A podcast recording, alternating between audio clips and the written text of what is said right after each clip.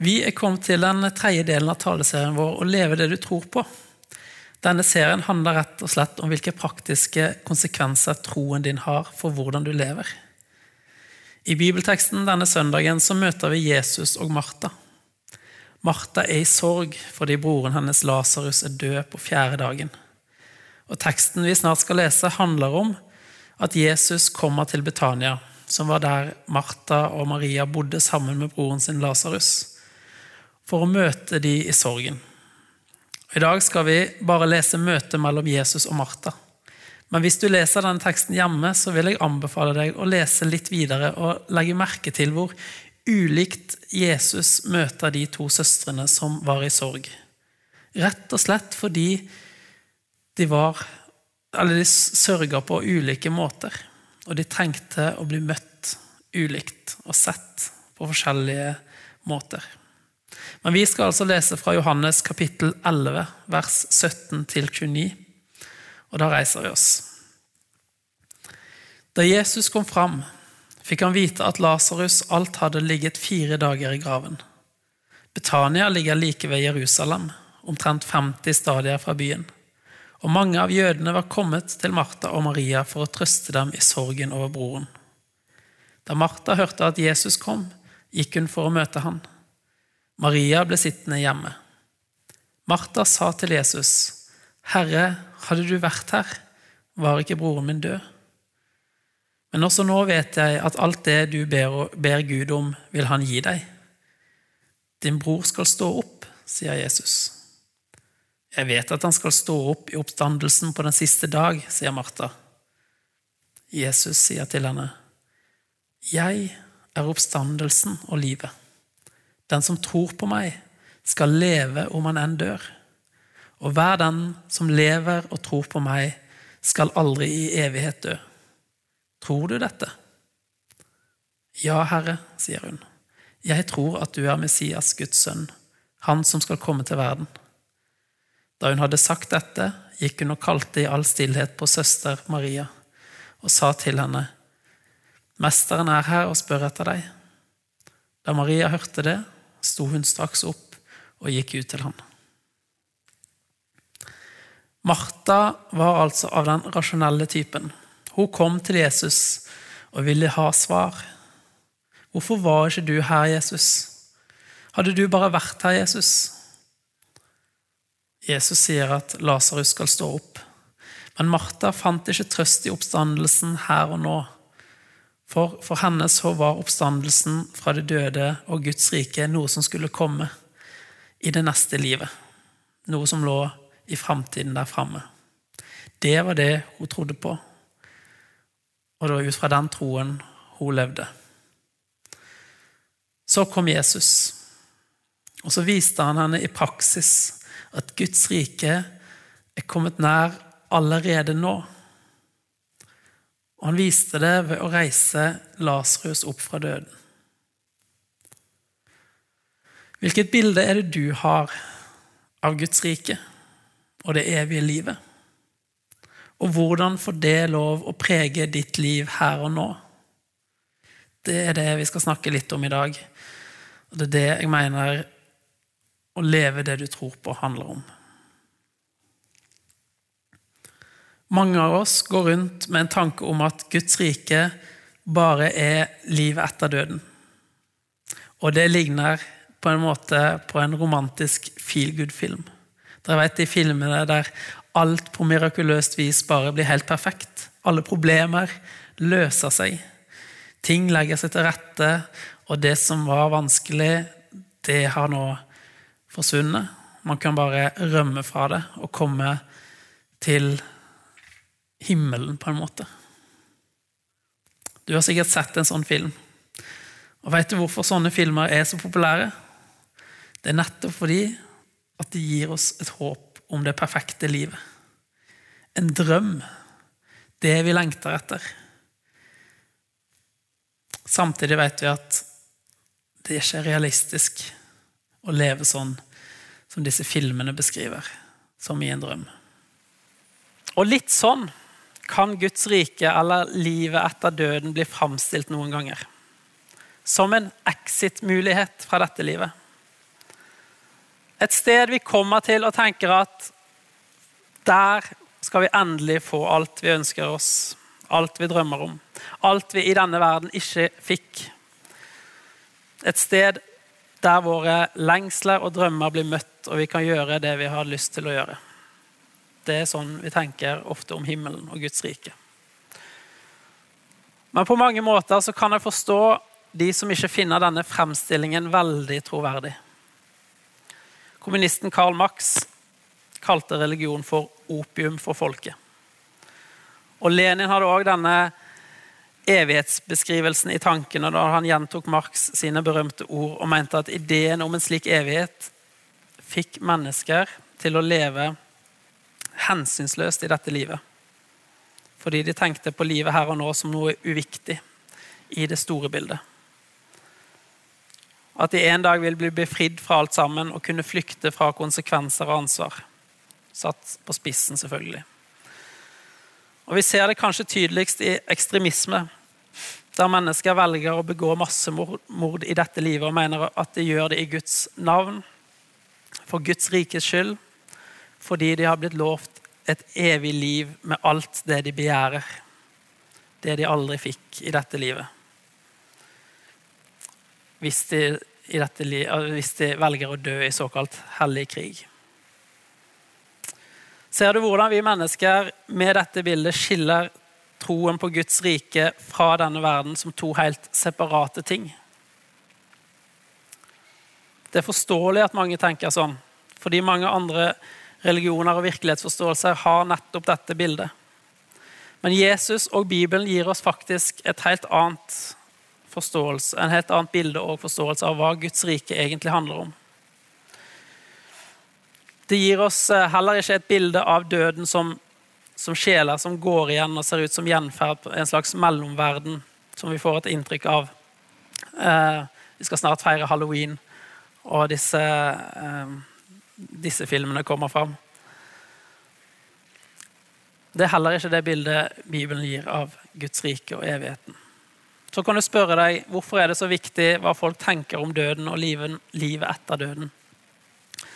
Jo, det er viktig fordi det har mye å si for hvordan vi lever og ser på livet her og nå. I Johannes' åpenbaring, siste boka i Bibelen, kapittel 21, så kommer Johannes med en beskrivelse av et syn han hadde på det livet som skulle komme etter døden.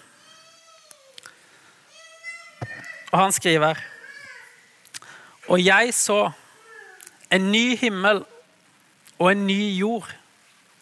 For den første himmel og den første jord var borte, og havet fantes ikke mer. Og jeg så den hellige byen, det nye Jerusalem, stige ned fra himmelen, fra Gud, gjort i stand og pyntet som en brud for sin brudgom. Og jeg hørte fra tronen en høy røst som sa, Se, Guds bolig er hos menneskene. Han skal bo hos dem, og de skal være hans folk. Og Gud selv skal være hos dem. Han skal være deres Gud. Han skal tørke bort hver tåre fra deres øyne, og døden skal ikke være mer. Heller ikke sorg eller skrik eller smerte, for det som en gang var, er borte. Han som sitter på tronen, sa, Se, jeg gjør alle ting nye.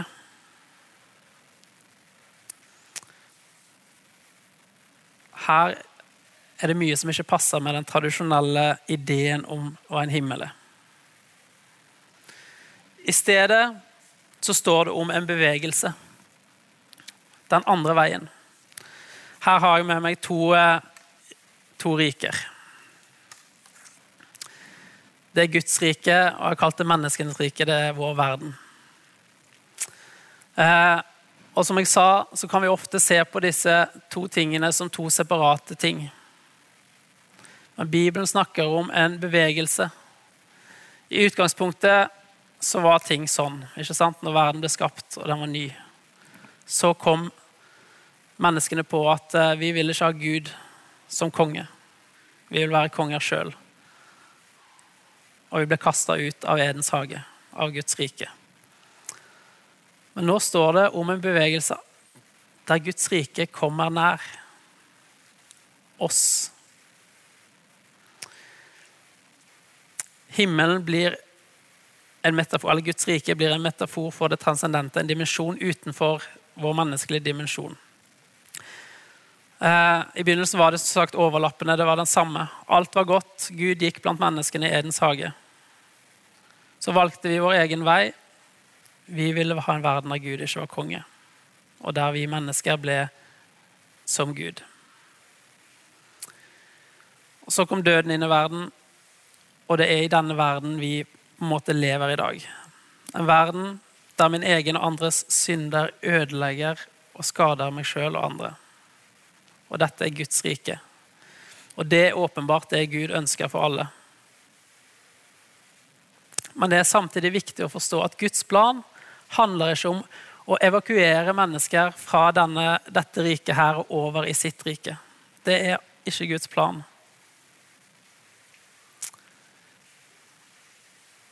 Um, I stedet handler det om at Guds plan eller Guds plan handler om at Gud vil ta bolig iblant oss.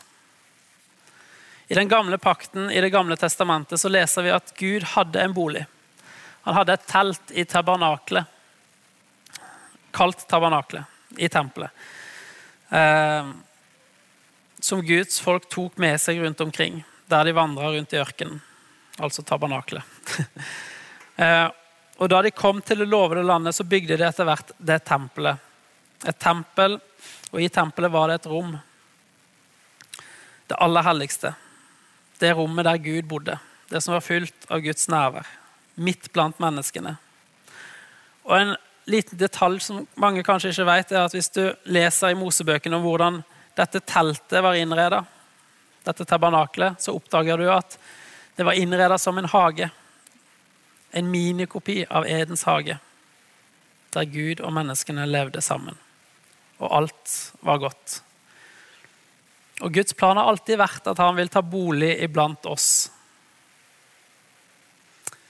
Ehm, det høres kjent ut, gjør det ikke det, fra juleevangeliet til Johannes. Ordet, altså det som skapte i begynnelsen, tok bolig iblant menneskene. Um, Mennesket Jesus blir dermed Guds rike. Nei, blir dermed der Guds rike og vårt rike, eller verden, forenes. Gjennom at Jesus kom til verden. Så dagens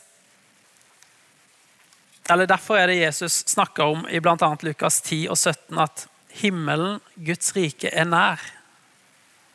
Det er allerede her midt iblant oss. Og Så sammenligner han Guds rike med et sennepsfrø som skal vokse fram, og med en surdeig som til slutt gjennomsyrer et helt brød.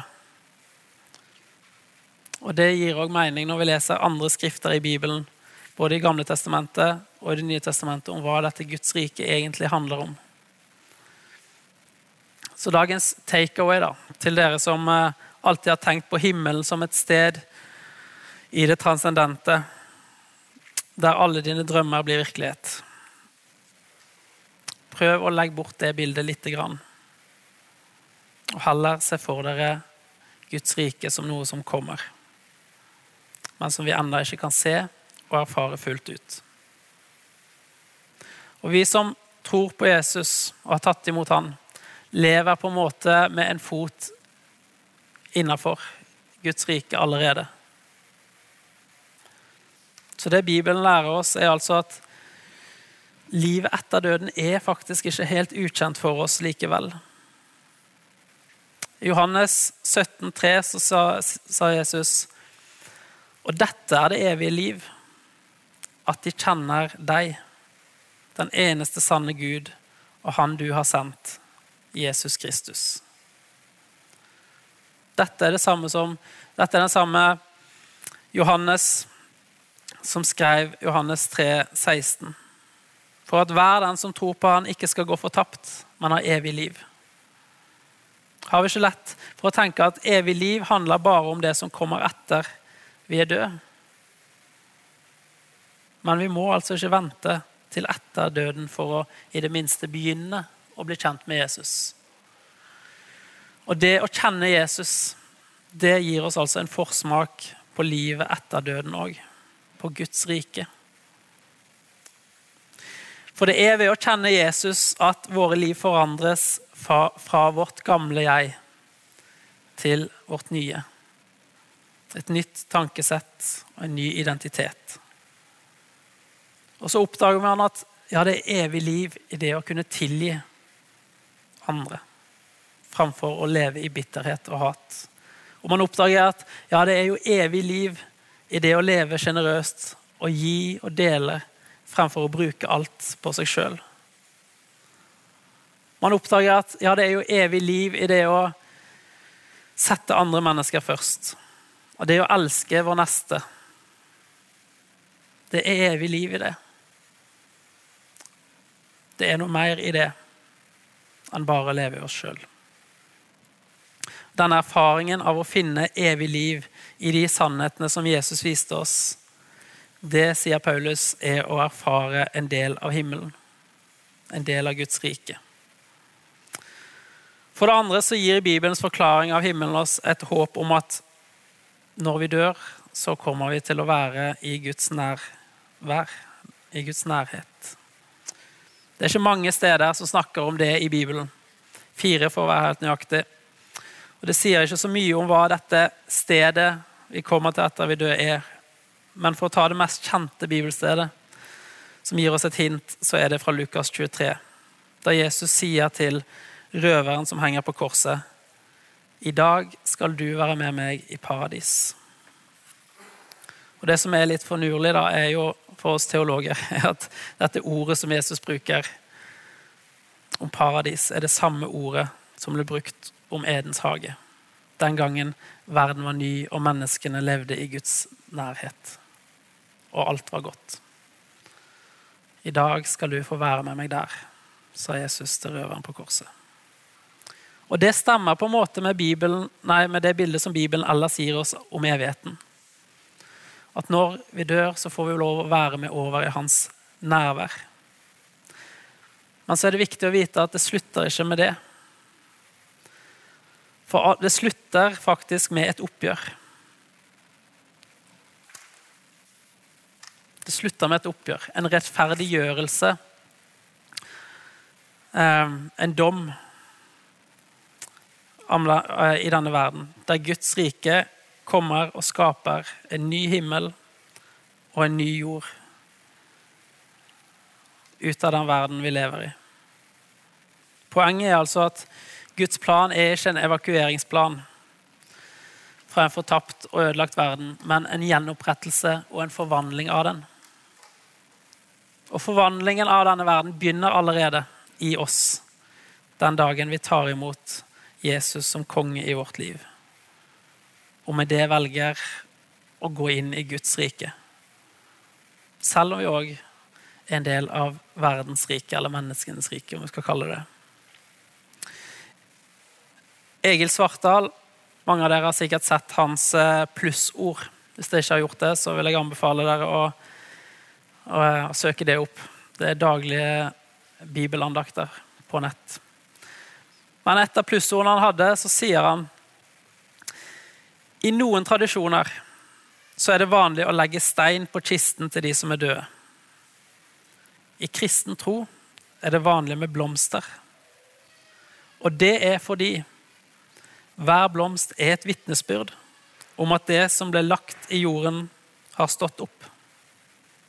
Og det som har stått opp, er vakrere enn det frøet vi la ned.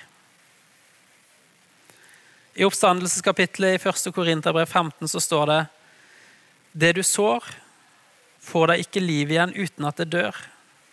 Og det du sår, er jo ikke som den planten som kommer opp, men et nakent korn av hvete eller et annet slag. Gud lar det få den skikkelsen som han vil. Hvert enkelt slag får sin egen skikkelse. Slik er det også med de dødes oppstandelse. Det blir sådd i forgjengelighet. Det står opp i uforgjengelighet. Det blir sådd i vanære. Det står opp i herlig glans. Det blir sådd i svakhet det står opp i kraft.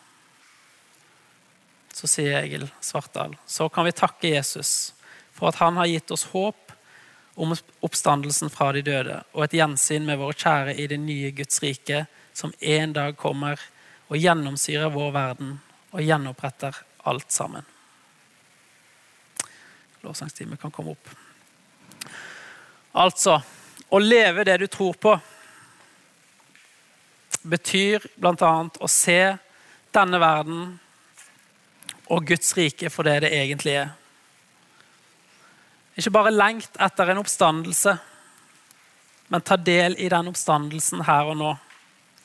Og la Gud få skape noe nytt i deg i dag. For Gud kan. Han er allerede nær, og han kan gjenopprette oss. Så la det være vår bønn når vi nå skal lytte til eh, den neste sangen.